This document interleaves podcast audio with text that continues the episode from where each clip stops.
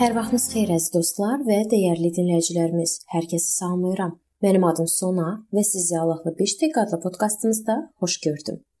Bu gün mən sizinlə uşaqlarda yaxşı xarakteri necə formalaşdırmalı haqqında danışmaq istəyirəm. Və gəlin minnətdarlıqdan başlayaq. Minnətdar olmaq çox vacibdir. Bu birindən aldığımız nemətlərə görə xoş bir minnətdarlıq hissidir. Kimsə onlara yaxşılıq edərsə, uşaqlara həmişə təşəkkür etməyi öyrətmək lazımdır. Uzaqda yaşayan dostlar və ya qohumlar onlara hədiyyə göndərərlərsə, onlar bunun müqabilində mütləq təşəkkür məktubu yazmalıdırlar və ya başqa yolla təşəkkürünü bildirməlidirlər. Efeslilərə 5:20-də deyilir ki, biz həmişə hər şeyə görə Rəbbimiz İsa Məsihin adı ilə Ata Allaha şükür etməliyik. Minnətdarlıq məmnunluqla, yəni daha çoxunu tələb etmədən mövcud olandan zövq almaq bacarığı ilə bağlıdır. Az əmlakla kifayətlənənlər çox vaxt təmtəraq içərisində ömür sürənlərdən daha çox minnətdar olmağı bacarırlar. Bizim zamanımızda şükür etməyə çox vaxt unudurlar. Aldıqları hədiyyələrə və nemətlərə görə şükür etmək uşaqlara daim xatırlatmaq vacibdir və minnətdarlığı və məmnuniyyəti təşviq edərkən bir neçə prinsipi yadda saxlamaq vacibdir. Birinci prinsip sadə yaşamaqdır. Uşağın ləzzətli yeməklərə, çox müxtəlif geyimlərə və ya çoxlu ad günü hədiyyələrinə alışmasına icazə verməyin.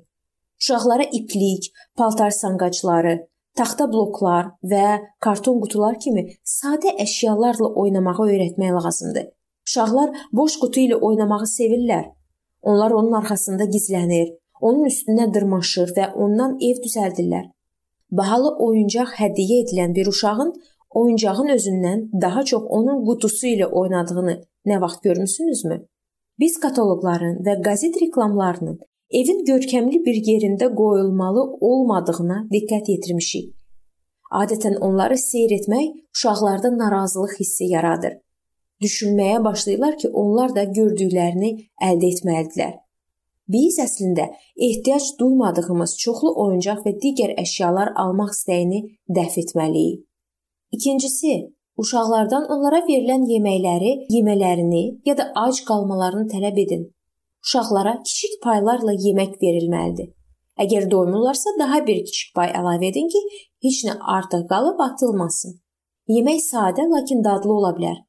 Qoy uşaqlar üzərinə cem çəkilmiş bir dilim çörəklə kifayətlənsinlər yağlı kabab barədə çox da düşünməsinlər. Əlbəttə ki, çoxlu insan ac yatdığı halda həddən çox yemək və ya yeməyi atmaq yol verilməzdi. Üçüncü, az təminatlı insanların ehtiyacları barədə danışmaqla uşaqlara fədakar olmağı öyrədin. Kifayətlənməyin əksi acgözlükdür. Heç vaxt doymayan getdikcə daha çox şeyə sahib olmaq istəyir. Amma Allahda bunun çarəsi var. Uşaqlar gəlir əldə edən kimi onlara Allahın işi üçün bir hissə ayırmağı öyrətmək lazımdır. Lütf zamanlarında yaşadığımıza görə Allahın işinin inkişafı üçün malik olduqlarımızdan könüllü olaraq səxavətlə bağışlamalıyıq. Uşaqları qurbanlar verməyə alışdıraraq biz onlara acgözlük və xəsislik günahını dəf etməyə kömək edirik. Övladlarınıza qənaət edilən pulların ağır zəhmət və nəzarət edilən xərclərlə gəldiyini öyrədin. Və dördüncüsü, uşaqlara köhnə maşın qəbirstanlığı və ya şəhər zibilliyini göstərin. Zibillik sahəsinə səyahət kimi heç bir şey maddi sərvətin faniliyini göstərmir. Belə bir yerdə hər şeyə baxın və onların hamısının bir zamanlar dəyərli sayıldığını unutmayın. Uşaqlardan biri Tullantı sahəsində qar avtomobilləri axtaracaq, onları çıxaracaq, təmir edəcək, boyayacaq və satacaq. Uşaqlarımıza səmimi şəkildə təşəkkür etmək qabiliyyətini aşılamaq uzun müddətli bir prosesdir. Bağ sahibləri bilirlər ki, gözəl bir bağ və ya dirlik bir günə yaranmır. Zəhmət nəticəsində hər hansı bir bəhrə görünməzdən çox əvvəl toxum səpilir və suvarılır. Allah otları təmizlənir. Uşaq tərbiyəsi də eyni ilə belədir. Bu mövzunun davamını biz növbəti görüşümüzdə araşdıracağıq.